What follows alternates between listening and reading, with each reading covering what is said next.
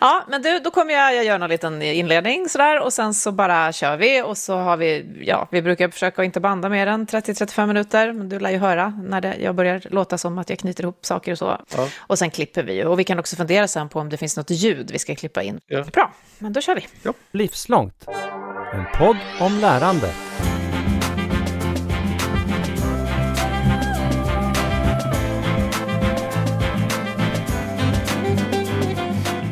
Livslångt heter vår podd. Den handlar om livslångt lärande även idag, som alla andra våra avsnitt. Eh, och om livets lärande, som ni kommer märka vad det innebär just i vårt avsnitt idag. Men jag heter i alla fall Katarina Pietschak och med mig idag finns du, Niklas Lernberger. Varmt välkommen hit. Tack så jättemycket.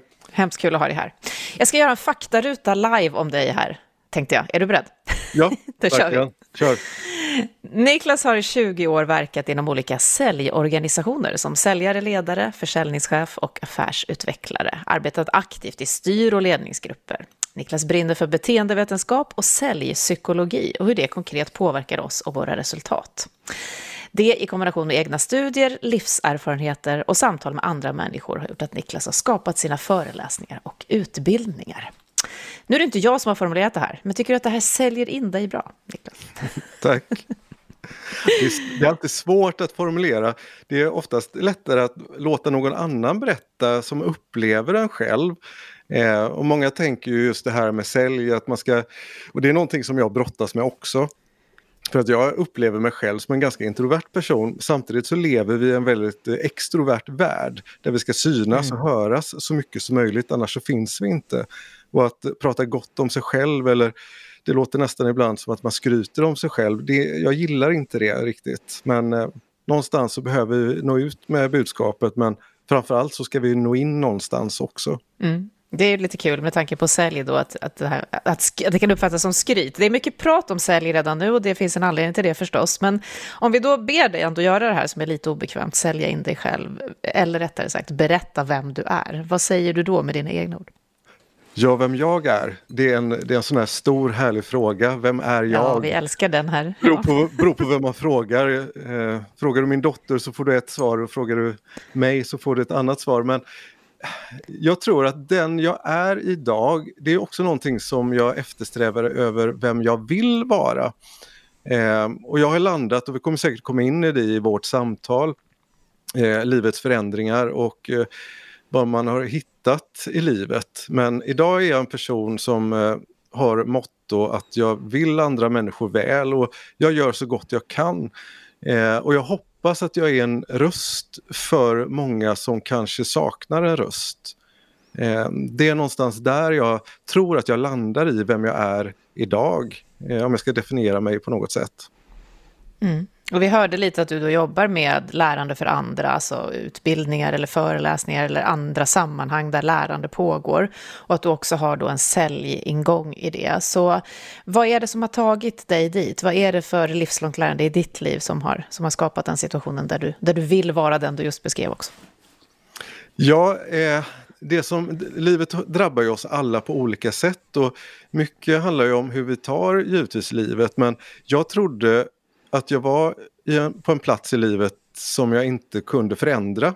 Eh, att jag hade hittat den här rollen och just den här frågan vem man är och vad man gör. Eh, så är det oftast att vi själva definierar oss själva utifrån vad vi gör. Eh, och mm. på den platsen var jag väldigt länge, just med det som du beskrev tidigare.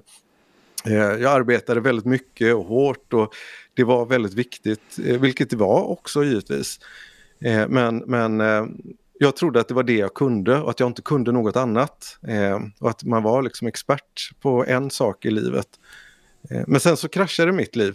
Eh, ganska dramatiskt. Eh, det var ju någonting som skulle bli det mest lyckliga i mitt liv, att jag skulle tillsammans med min fru få ett barn. Eh, men det blev dels under förlossning väldigt dramatiska förhållanden. Eh, där jag trodde under ett antal timmar att vi hade förlorat honom. Eh, och efter sju, åtta timmar så transporterades vi till ett annat sjukhus och fick träffa honom igen och han hade överlevt men han låg i respirator. Eh, och där någonstans, även om jag har upplevt mycket av livets alla sidor även sedan jag var liten så blev detta ännu en gång en påminnelse över hur skört livet är. Eh, och jag landade i den här känslan över att livet är verkligen en gåva. Och man blev, och är fortfarande väldigt eh, eh, fundersam och reflekterande över livet och vad livet är och vad vi gör med det. Eh, men det blev en påminnelse än en gång att livet verkligen är en gåva.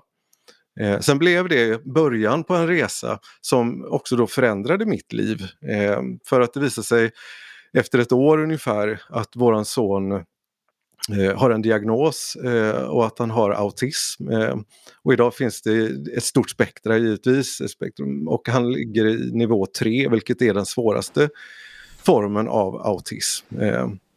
Och där i ligger ju mitt livets lärande och så otroligt mycket. Både vad det gäller hur jag lär mig själv av mig själv och över att bli självmedveten, hur jag själv påverkas och eh, både reagerar och agerar när livet landar på ett sätt som man inte riktigt hade planerat och inte kan planera. Eh, där man kastas ut i någonting som jag inte har kontroll över. Eh, där jag brottades mycket med att vilja ha kontroll men där jag inte kunde ha kontroll. Du ska få berätta väldigt mycket mer om det, men får jag bara fråga, du sa att det var en, en du landade i att ja, det här är en, det är en, livet är skört och det är en gåva ändå att vi har ett liv och vi måste göra något, något viktigt av det. Men i den situationen, i den stunden där det här hände, hur snabbt kändes det som att allt det där du berättade att du hade levt efter innan, att jobba hårt, att det är viktigt och så, hur, hur snabbt förändrades det här? Hur snabbt gick du in i ett annat lärande och en annan känsla? Det tog ett tag, eh, det gjorde det. Eh, för att man, man, man vill ju vara alla till lags eh, och man vill duga. Eh, så att jag arbetade på ganska mycket efter detta. Detta var 2008. Eh, och det var först kanske när han fick sin diagnos, för det tog ju ett antal år innan han fick sin diagnos och det var 2012. Eh, och de åren däremellan, fyra, fem år, eh, det var krisår. Eh, nu är kris det är ett begrepp som kan användas på många olika sätt men mm. för, för oss i vår familj så var det eh, utan att jämföra med andra men det handlar inte om att ta en dag i taget utan det handlar om att ta tio minuter i taget. För att det bestod av kaos dygnet runt eh, och det går ganska snabbt att bryta ner en person. En natt utan sömn kanske man klarar två, tre, det vet alla som har barn som mm. vaknar mycket på nätterna kanske men det här var ett pågående, en pågående konflikt under flera års tid där vi inte förstod eh, vad det handlade om. Eh, och som människa så känner jag att jag är ganska bra på att trycka ner mig själv och att skapa ett dåligt samvete och, och leva med både en form av skuld och skam över att det här är mitt fel, att det är jag som inte hanterar. Och när jag är i, i det läget så kanske inte jag är i mitt bästa jag för att hantera situationer eller andra människor. Eh, men det var när han var fyra och ett halvt år och då han fick sin diagnos. Där någonstans så, så ramlade den här poletten ner och det här oket det lossnade från mig också. Och jag insåg, och det här är väl den stora insikten som jag också jobbar med när jag är ute och föreläser, att även om jag har jobbat som, med ledarskap och försäljning och just det här kundrelationer och hur viktigt det är att förstå en kund, och kundens eh, situation och kundens varför och de bitarna. Men här ramlade poletten ner där jag förstod att jag i fyra och ett halvt år så har jag försökt att få våran son att komma in i våran värld. Att han ska passa in, att han ska vara normal, att han ska vara som alla andra barn. Men nu insåg jag att nej, det är inte han som ska in i min värld utan det är jag som ska in i hans värld. Och det handlar ju väldigt mycket om min egna stolthet, det handlar om prestige, det handlar om förväntan, det handlar om acceptans. Eh, och när jag skalade bort allt det och verkligen på riktigt gick in i hans värld, då hände det någonting helt fantastiskt. Det låter som eh, eh, magi på något sätt men jag tror, och jag skäms lite grann som förälder för att jag tror att alla föräldrar de vill sina barn det bästa i alla lägen. Eh, och jag har ju gjort mitt bästa men jag tror att detta kanske var första gången som han själv kände sig sedd, hörd, förstådd mm. och bekräftad för den han är. Inte för någon som jag ville att han skulle vara eller den här mallen. Och när han kände det, det var där vi hittade varandra. Det var där vi skapade vår relation. Eh, och hans eh, utveckling och hans lärande började ta fart. Eh, för han kunde inte prata. Eh, så vid fyra och ett halvt års ålder och inte att kunna kommunicera med sin omvärld. Eh, och leva med den här ständiga känslan över att ingen förstår mig, vad jag vill. Det är inte så konstigt att det blir konflikter. Men när jag släppte allt det här från min sida och bara i stort sett satt bredvid med honom och han fick vara den han är så tror jag att han började känna kanske den här tryggheten och närvaron som, som eh, man hoppas själv känna med andra människor.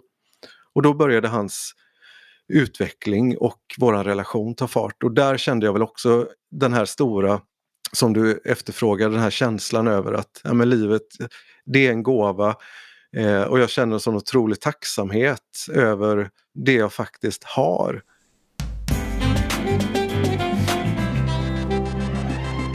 Det är omöjligt att inte bli helt, eh, både som förälder och människa då, väldigt berörd av din historia på alla sätt. Eh, men jag tänker också på att det är, jag ser så många, precis som du ju också ger oss möjligheten att se kopplingar till hur vi är bland andra i vårt yrkesliv, i vårt privatliv och så.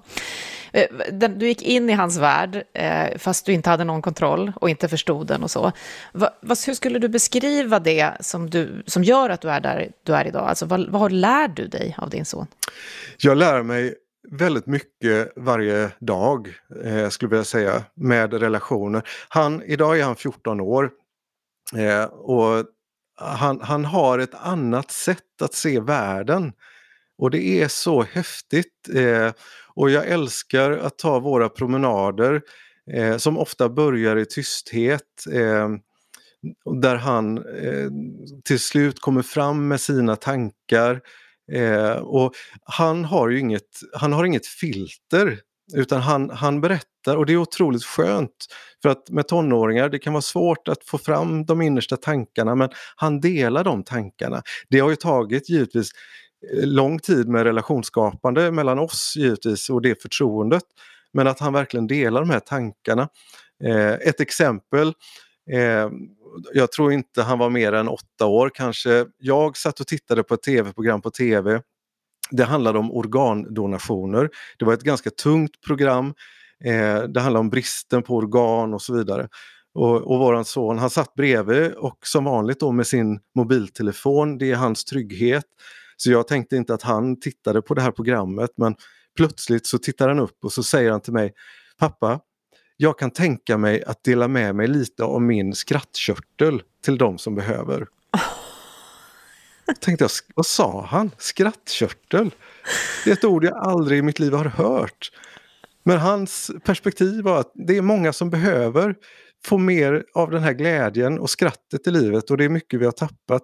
Och det är mycket givetvis under, den, under det här livet som vi alla lever nu som jag tror kommer vara en ständig utmaning. Vi lever i en ständig form av kaos med covid-19 och det är krig och det och jag tror, det känns ju hemskt att säga, men jag tror att det är ett förhållningssätt till att vi måste lära oss hantera livet rent personligt. Eh, men också se varandra och lyssna på varandra. Mm. Får, jag, får jag dra ett annat eh, som jag kom på nu också? Ja, jättegärna. Jag skulle, eh, nu i höstas eh, så skulle jag vara med på en kunskapsdag med ett antal olika föreläsare.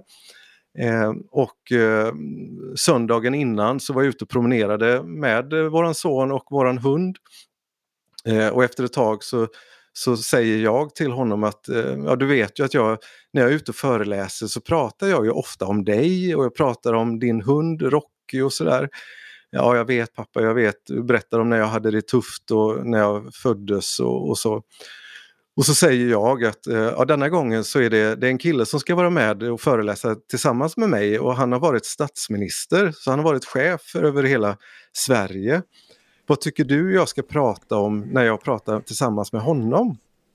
Och så är han tyst och så efter en stund så säger han Pappa, jag tycker du ska prata om fjärilseffekten. Och jag vet ju vad fjärilseffekten är men jag var nyfiken på hans perspektiv så jag frågade vad, vad tänker du då, vad är fjärilseffekten? Jo, det är när man gör en liten god sak här och nu så växer det och blir en större god sak längre bort. Och då tänker jag, han är 14 år, han har ja. otroligt svårt för att lära sig att läsa, skriva, matematik. Men han har fattat den här grejen som jag känner med livet. Att det är det som är det viktiga någonstans. Och den har han. Han har humor och han har de här perspektivtankarna på vad som är viktigt. Livets lärande, så det hissnar på många olika sätt. Ja. Du, du, nämnde Rocky. Det finns en hund med i ekvationen här som jag också vet att du brukar prata om. Vad, vad är Rockys roll i det här som du berättar nu? Rockys roll, han är en eh, livsräddare kan jag säga. För att som jag nämnde tidigare då att eh, våran son han blev nyfiken och började också kommunicera och blev en glad kille när han var 5-6 år. Eh, och vi kände den här lättnaden över att nu börjar livet igen för att livet hade stått på paus under ett antal år. Eh, och han började förskolan och vi var med i ett föräldrakooperativ eh, där vi var väldigt delaktiga med drivandet och det var barn i olika åldrar, personal, mycket personal som hade tid att, att se honom för den han var. Men sen var det dags för honom att börja skolan och det skapade en stark oro. Eh, och jag vill börja med att säga att skolan är ju givetvis en fantastisk plats och det är fantastiska människor som, som arbetar där. Men vi märkte ju efter ett tag att kunskapen och kompetens om olika diagnoser den, den varierar väldigt mycket. Viljan finns att möta men kunskapen saknas. Mm. Eh, och våran son han ville gå i skolan och han var nyfiken och han gick i ett år men vi märkte hur mycket han kämpade. Eh, och när han kom tillbaka efter skolan så kom de här utbrotten tillbaka eh, som en form av ventil där han ansträngde sig så mycket för att passa in. För att vi har ju krattat våran värld utefter hans förutsättningar men skolan det var en ny värld som han skulle passa in i och han passade inte in. Eh, så han, han kraschade eh, helt fruktansvärt eh, och blev utmattningsdeprimerad. Och, och det, ja, det blev ett, ett enormt misslyckande där han, som vi människor gör, att vi själva tar på skulden. Så han tog ju på sig skulden över att det var han som inte lyckades och att det var det här gigantiska misslyckandet. Så att och har man varit med om ett, en form av trauma som, som jag upplever att vi gick igenom och att man har tagit sig igenom det så är man ganska skör för att det går ganska snabbt till att man ramlar ner i det här svarta hålet igen. Eh, och det gjorde vi, för vi kände allting rasade igen nu och våran värld krympte. Eh, för vi hade levt väldigt isolerade. Det livet som många kallar för coronaliv, det är vårt vanliga liv. Eh, ganska isolerat. Mm. Eh, där begränsningarna är för honom då att möta nya personer, nya miljöer. Han backade hem och han, eh, han var i stort sett på sitt rum. Och han blev då en så kallad hemmasittare, vilket är ett hemskt ord som vi inte ska använda. Ja, det är ett hemskt ord. Det har vi pratat men, om förut här. Mm. För han ville gå i skolan men han kunde inte. Eh, men han blev fast i sitt rum och han började med gaming, vilket i sin tur var en värld som han kunde kontrollera och där han eh, passade in och kände sig bekväm i den här världen. Eh, men det blev ju, och det förstod vi också, att det här är inte en bra värld att vara i utan vi måste göra någonting. Men 2016 tror jag det var så kom det här spelet Pokémon Go. Eh, det är en, en ständig utveckling i gamingvärlden. Eh, och det här Pokémon Go det motiverade honom så starkt att han faktiskt tog steget och ville lämna huset och komma ut och gå promenader eh, och möta världen med hjälp av att hitta de här figurerna efter den här satellitkartan. Och en kväll, vi bor på en ö i Göteborgs norra skärgård, det bor 1600 personer. Eh, om man tror att man känner de flesta, alla hejar på varandra. Eh, tycker mina barn fortfarande är konstigt när vi är inne i Göteborg och de fortsätter att heja. Får människor inte heja. Men det är ingen som hejar tillbaka. Eh, men en kväll så gick min fru ut med våra två barn. Vi har en dotter också som är två år yngre. eh, och gick en promenad eh, och då möter de en kvinna som de inte kände igen. Eh, hon hade två hundar med sig, två labradorer. Och då i det läget så hade våran son börjat att prata eh, och de älskar djur så att de frågar får vi klappa? Eh, och fick ett nickande av den här kvinnan. Och då går den ena hunden fram till våran son och sätter sig där. Mm. Och i andra sekunden så tittar den här kvinnan på min fru eh, och ställer frågan, ursäkta att jag frågar, men är det möjligtvis autism? Mm. Och autism det är ju någonting som inte syns på utsidan. Nej, det är en, en kamp som sitter på insidan så han ser ut som vilken kille som helst. Men är det möjligtvis autism? Och Sara, min fru, hon tyckte det var en lite märklig fråga givetvis från en kvinna hon inte kände men hon nickade och sa ja, Mm. det, det är det. Och då visade det sig att den här hunden som heter Maja var då en skolad hund som arbetar på en skola på Hisingen med barn som har särskilda behov. Och hon gick in i ett arbetsläge och markerade att nu jobbar jag Mm. med någon som behöver. Kände av det direkt. Och den känslan eh, den, den gick ju inte att komma ifrån och när de kom hem det var inte det att de skrek att vi vill ha en hund utan vi skall ha en hund. Och som förälder till barn med särskilda behov så man är beredd att göra precis vad som helst. Och det finns väldigt lite forskning om autism eh, och det finns konstiga experiment i andra delar av världen. Och man är beredd att pröva allt. Eh, och jag själv är uppväxt med en galen afghanhund, en primadonna som, som inte gick att dressera det minsta. Men jag vet ju hur mycket den här hunden betydde för mig i mitt liv. Mm. Så där började vår resa för att vara nyfiken och lära oss mer om de här hu- arbetshundarna. Eh, och det slutade med att vi, vi i augusti 2018 så flyttade Rocky hem till oss som är då en utbildad eh, psykisk hälsahund, en assistanshund som är tränad i över ett års tid enbart för våran sons behov. Mm.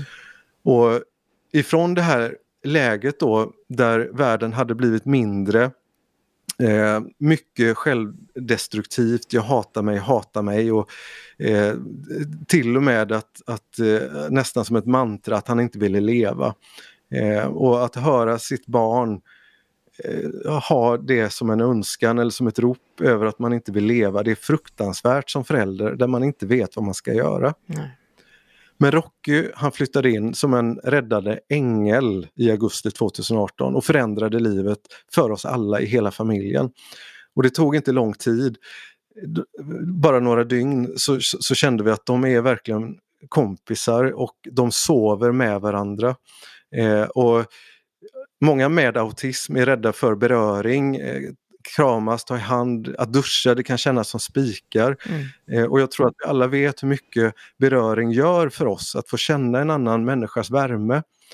Och att inte få känna det tror jag påverkar oss också väldigt mycket. Men nu hade han någon som han kunde vara nära, där han fick känna den här beröringen och få sova bredvid någon, få sova bredvid ett annat hjärta som slår. Det öppnade upp så mycket för honom. Och vi kunde, bara efter någon vecka så kunde vi höra hur rösten förändrades ifrån en ganska monotom robotröst till att det började bli melodi. Eh, och efter ytterligare en tid så kunde vi tjuvlyssna och höra honom sitta och säga till Rocky Jag älskar dig. Du är min bästa vän. Du är min ängel. Och det var ord som vi trodde att vi aldrig skulle få höra från honom. Så att det öppnade upp så mycket och även, vilket är eh, kanske det mest fantastiska, att, att han har då en syster som är två år yngre som i hela sitt liv har, har längtat efter en storebror. Men har levt i skymundan eh, gentemot honom eh, och, och inte har fått komma in i hans värld. Men nu så släppte han in henne. Och de fick också där börja skapa den här relationen. Så Rocky har verkligen förändrat hela livet eh, för oss. Nu är ju Rocky med när vi går på restaurang eller går, på, går till tandläkaren. Och han är en helt magisk hund som, jag, jag begriper det inte, men han bara gör det. Eh, han har den här känslan. Eh, och det intressanta är ju, och det är det jag brinner så mycket för idag när jag är ute och jobbar, oavsett om det är föreläsningar eller utbildningar så pratar jag ju mycket om Rocky och att vi alla kan vara en Rocky. Oavsett om du är säljare så handlar det om att vara Rocky. Det handlar om att, att verkligen närma dig, att bemöta andra människor med den tryggheten som Rocky ger av sig själv. Att man är nyfiken, välkomnande, att man bygger självkänsla och självförtroende hos andra människor. Eh, och att man är en person som andra människor vill vara nära. Och lyckas vi med det så lyckas vi väldigt mycket med vårt ledarskap eller med vår försäljning. Det låter kanske naivt men de människorna som har lyssnat på det, jag vet hur mycket det har betytt för dem.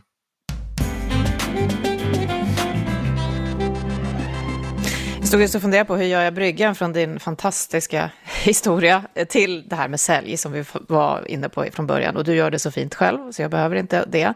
Men jag tänker att eh, många människor har en uppfattning om vad det innebär att sälja, som jag gissar att du också måste ha mött. Att sälj, och den som trodde att det här avsnittet skulle vara någon säljarskola har väl då redan fått eh, erfara någonting helt annat. Men vad, vad, en, Rocky har ju inte någon annan agenda gissar jag än att hjälpa er och din son eller finnas där tillsammans med er. Hur, hur ser den här uppfattningen ut och hur kan du bemöta den om just sälj?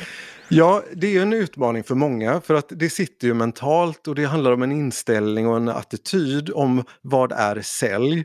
Och eh, det kopplar även tillbaka till din första fråga, vem är jag?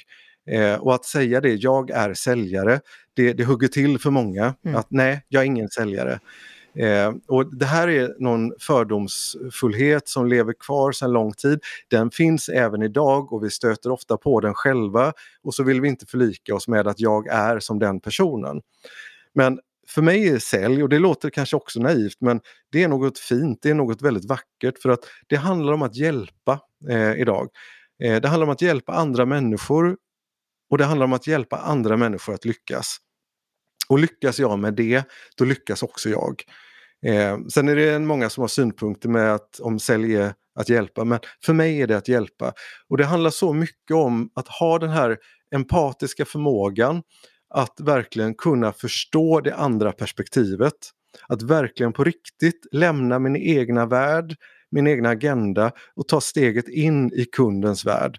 För att se vad kunden ser, kommunicera på kundens villkor och få kunden att känna sig sedd, hörd, förstådd och bekräftad.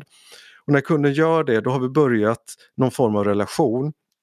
Eh, och, och, är jag där på riktigt, eh, genuint eh, eh, med empati och jag ser eh, vad kunden brottas med eh, och givetvis så kanske jag har en lösning där jag kan hjälpa kunden. Så det är ju mitt mål. Eh, mitt mål är inte att sälja utan mitt mål det är att hjälpa kunden och att förstå kunden. Och Ibland så blir det ju eh, ganska snabbt agerande, ibland så kan det vara långsiktigt. Det kan ju ta flera år innan jag kommer till den punkten att jag faktiskt hjälper. Men jag själv ser mig som en allmän rådgivare där jag faktiskt eh, känner att jag på riktigt hjälper andra människor. Så den som upplever sig ha mött mer av en krängare, eller vad man ska säga, den har egentligen inte mött det du definierar som sälj? Nej, Sen finns det, återigen, det finns krängare eh, som har det som en ambition. Som har en ambition över att man ska kontakta så många kunder så fort som möjligt. Med, väl medveten över att ganska många kommer att eh, säga nej. Men du kanske hittar någon som säger ja och så ska du få in den i den här fällan för att till slut då ha, ha sålt någonting. Sen är det, jag menar, eh, när jag jobbar med säljcoachning så är det så viktigt att förstå att eh, jag, jag, ser en bild över en försäljningschef eller en coach som står och liksom hejar på, kom igen nu kör vi, ja. eh, nu kör vi så det ryker. Eh, och jag själv får lite krupp i ett sånt läge utan min dotter har gett mig ett ord eh, när hon också var ganska liten, ett ord som jag inte har hört tidigare men jag lever efter det. Och det är ordet lugnsamt. När jag tänker på ordet lugnsamt så är det också det sättet som jag vill bemöta andra människor. Eh, och jag vill framförallt bemöta mig själv. Finns det ett hinder i vägen och jag pushar på en säljare till att sälja mer, då kommer jag bara trycka dem hårdare mot det här hindret. Istället för att förstå och hjälpa dem att vad är det som hindrar dig till att vilja sälja eller tänka sälj överhuvudtaget. Jo, men då är det kanske inställning, attityd. Det kan handla om rädslor, det kan handla om de här hindren. Eh, väldigt vanligt så handlar det om ursäkter. Mm. Eh, att vi skjuter upp saker, vi prioriterar annat. Alla som är egenföretagare känner nog igen sig det här att det dyker upp eh, spännande saker och så skjuter man säljet till imorgon. Mm. Man vet vad man borde göra men man gör det inte. Så att det handlar mycket om disciplin, absolut, och att man har en struktur och en strategi i sitt egna arbete. Eh, men det handlar också om att sätta upp mål eh, som du känner att du klarar av. Och det har också fått mig och min son, eller det, det jag har lärt mig av min son så mycket, att eh, det är så lätt att få den här känslan av misslyckande, att man inte duger. Och att istället då hitta nivån som gör att man klarar det. Så att vad man än gör så får man den här känslan över att ja, men jag är faktiskt ganska bra. Eller det gick bra. Vilket gör att jag tar ett steg till imorgon. Mm. Så att vi växer och lär oss i de här små stegen. Och också i både självkänsla och självförtroende att vi inte ska vara rädda för att misslyckas. Och att, ja, det är kanske en klyscha idag för att alla pratar om det men ja. lärandet ligger så mycket i när vi vågar se våra brister och våra utmaningar och när vi faktiskt ramlar. Och då tänker jag just eftersom du också jobbar med att, att lära andra om det här och dela med dig på det sättet så att det skapas ett lärande, att du kan få hjälpa mig. För mina dagar handlar ju väldigt mycket om att försöka faktiskt, enligt din definition, sälja in viljan att lära mer. Alla pratar om livslångt lärande idag. Och alla ska bli lärande organisationer och vi ska ställas om för en ny tid. Allt det som tillhör det paketet har ju blivit väldigt, väldigt starkt. Och mitt jobb handlar ju om att försöka få med mig andra i förståelse för hur det här skulle kunna ske hos just dem. Så hur säljer du in den här viljan? För det är ju också tröttsamt. Det är tröttsamt att hela tiden lära något nytt och man kan ju vilja hålla sig kvar i det man alltid har gjort. Hur säljer du in den viljan? Ja, till att börja med kan jag säga när jag tog rollen som försäljningschef eh, efter att ha varit då säljare och eh, ja, relativt framgångsrik säljare så tog jag på mig den här kostymen över att om alla gör som jag gjorde så kommer de att lyckas. Det var ju ett av de första största misstagen jag gjorde. Eh, för att alla är inte som jag. Mm. Så att den insikten som vi också pratar om i alla sammanhang idag, att vi är olika. Och är vi olika då måste vi också bemöta och eh, hantera varandra på olika sätt. Eh, jag måste möta min son på ett sätt, jag måste möta nästa person på ett annat sätt. Eh, och då måste jag ha den här empatiska förmågan för att lära känna dig eh, och dina förmågor, lyssna till dina tankar och börja där du är eh, och möta dig där som Kierkegaard sa en gång i tiden. Att, och det, det är det det handlar om. Eh, och Jobbar jag med 20 säljare då är det 20 olika människor och jag måste börja att möta dem som just de människorna som de är. På samma sätt så, så vill jag, jag säger aldrig att jag har rätt, jag är väldigt ödmjuk men det är mina tankar Går man på tio kundmöten så handlar det ofta om att det är en säljare som har tränat på en pitch vilket är någonting jag inte uppskattar. Eh, och man har liksom hittat sin trygghet i en presentation. Och så går man ut till tio kunder och håller den här presentationen. Det normala är att två av tio tycker att det här känns bra. Och så kanske man kommer tillbaka till sin chef och så säger man att ja, jag fick in två nya försäljningar idag. Och så hurrar man för att det vi räknar nyckeltal, hitrate, antal affärer på antal kundbesök, 20 procent, det kanske är bra för många. Mm. Och det är en kultur över att ja, men det är det vi brukar ha. Det jag är nyfiken på det är de här åtta andra, de som sa nej. Vad hände där? Mm. Och mitt facit det handlar ju om att säljaren har bara utgått ifrån sig själv. Och kan man träna på, och det är där för jag alltid börjar med självledarskap. Och att, att hitta den här inifrån-känslan till att eh, förstå sig själv, hur jag själv påverkas och reagerar och agerar, eh, mina egna rädslor och, och känna, känna sig trygg i sig själv. För att när jag gör det, då kan jag släppa min presentation, jag kan släppa stolthet, prestige och så kan jag gå in i kundens värld. Och går jag på tio kundmöten och möter de här tio kunderna på olika sätt i deras värld, då kommer jag öka min försäljning ganska dramatiskt. Mm. Men det är en resa dit, eh, givetvis, för att det handlar så mycket om att vara trygg i sig själv. Men eh, det är där vi börjar. Och det stämmer väldigt väl med många resultat som vi hittar, får man ju säga, att om du, om du vill få med dig många människor i just lärandet, att det ska kännas psykologiskt tryggt, som vi också har pratat om förut, så behöver du börja i dem. Men det är en lång resa, som du säger. Det är väldigt många som, som tycker den är svår. Det kan vi väl lugnt konstatera så. Mm. Ja. Du, innan vi slutar så tänkte jag då höra vad du tror krävs för att verkligen putta någon över den kanten. Eller för att det verkligen ska hända. För nu har vi pratat om det som du då själv beskrev som en kris. Det hör ju vi, att det naturligtvis måste ha varit en svår kris. Och du är den andra på kort tid som jag pratar med som, som pratar om att en kris förändrade en resa på något sätt. Vi har pratat om pandemin som en kris där vi plötsligt kunde ha digitalt lärande, digitala möten och sådär.